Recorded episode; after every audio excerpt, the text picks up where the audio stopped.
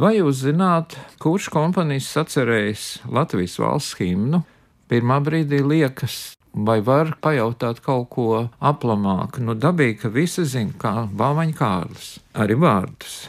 Un tomēr viņa dzīves laikā, jau tūlīt pēc himnas sacerēšanas un pirmo reizi dziedāšanas 1873. gada 26. jūnijā 14 braši tēvzemes dēli Jāņa Reiberga vadībā Latviešu biedrībā to dziedāja un uzreiz ieguva lielu piekrišanu, un to arī uztvēra kā himnu. Ne tikai Rihards Thompsons pēc tam savā dziesmu svētku brošūrā.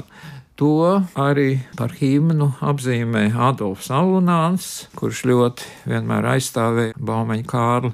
Un dīvainā kārtā Nu, piemēram, mācītājs Ulmanis, mēģinot šo melodiju kritizēt un pielīdzināt, ka viņa ir paņemta no vācu tautas dziesmas, Wenn ich ein Vöglein wäre. Viņš arī sauc to skaidrā tekstā par, nu, vācu valodā, protams, Latviešu nacionāla himne.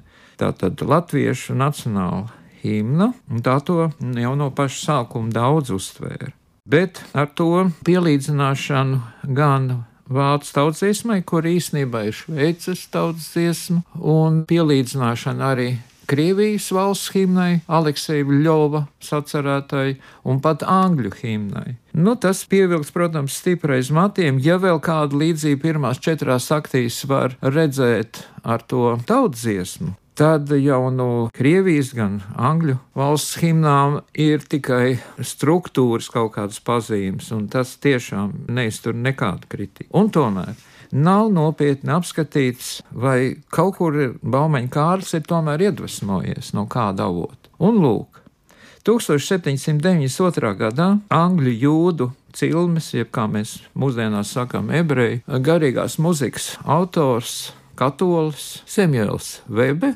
savā darbā Tībi Omnes Anģeli pirmās četras taktis, jeb pat piecas, tā ir uzrakstījis, ka viņas tiešām sakrīt lielā mērā ar uh, Baumaņa kāļa Dievs svētī Latviju. Tikai tur nav pusnots sākumā, pirmā, trešā, piektā taktī, bet ir ceturdaļas.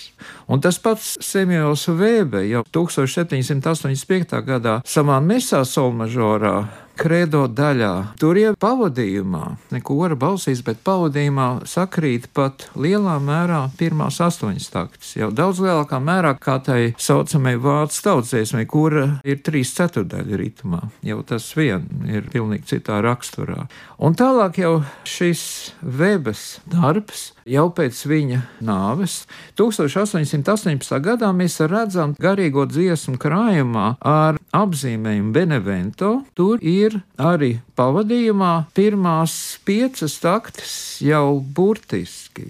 Bet, nu, joprojām paliek tas eh, ceturdaļu pusnots, un Otrā puse jau ir arī daļai līdzīga, ja vēl Semjolam Webs oriģinālos otrā puse radikāli atšķīrās, tad te jau otras puses, kas ir nosacīta attiecinām uz Baumaņa himnu, ir daļai līdzība. Tālāk attīstība ir sekojoša.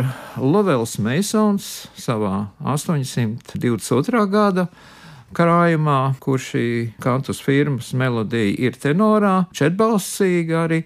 Tur turpina attīstīt šīs himnas korālisko struktūru, Un uh, arī dzen, tas turpinās kristiešu lierā Ņujorkas izdevumā 1830. gadā, jo 822. gads tas bija Bostonas izdevums. Un tur pirmo reizi arī parādās soprānā tieši šī pirmā puse, kur ir daļēji līdzīga, bet, nu, varētu teikt, lielā mērā. Bet vēl lielākā mērā ar nosaukumu Granville vai Granville, ir tā rakstība 1833. gadā, un nu jau autors uzdod sevi Tomas Hastings savā himnu krājumā, nu, angļiem un amerikāņiem himnas tas ir garīgie arī dziedājumi, tā kā mēs to saprotam, draudzes dziesma vai korāls. Un tur jau tieši arī ritms jau atbilst. Pirmā, trešā, piektā taktī, pirmā skaņa ir pusnots, un otrā puse ir veidota vēl līdzīgāk, arī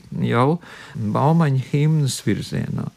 Vēl līdzīgi ir ar Haven apzīmēta himna 1847. gada izdevumā Ņujorkā, kur viņa ir četbalsīga. Un tas varēja vai no šī Granville vai Haven būt tieši iedvesmas avots Baumaņa kālim. Bet te ir viena lieta, pat izmainot uh, virkni skaņu un mazliet citādi tās sakārtojot, Baumeņa Kārlis panāk daudz mētiecīgāku gan melodijas attīstību, nu, protams, arī harmoniju atbalstu lai gan ir stipri līdzīga Hastings variantam. Un eh, tiešām, ja Hastingsam tā vienkārši ir kā tāda mazliet monotona korāņa melodija, tad Baumans Kārlis tieši tur jau ir viņa arī meistarība, izveido tā, ka to pieņem tiešām kā himnu.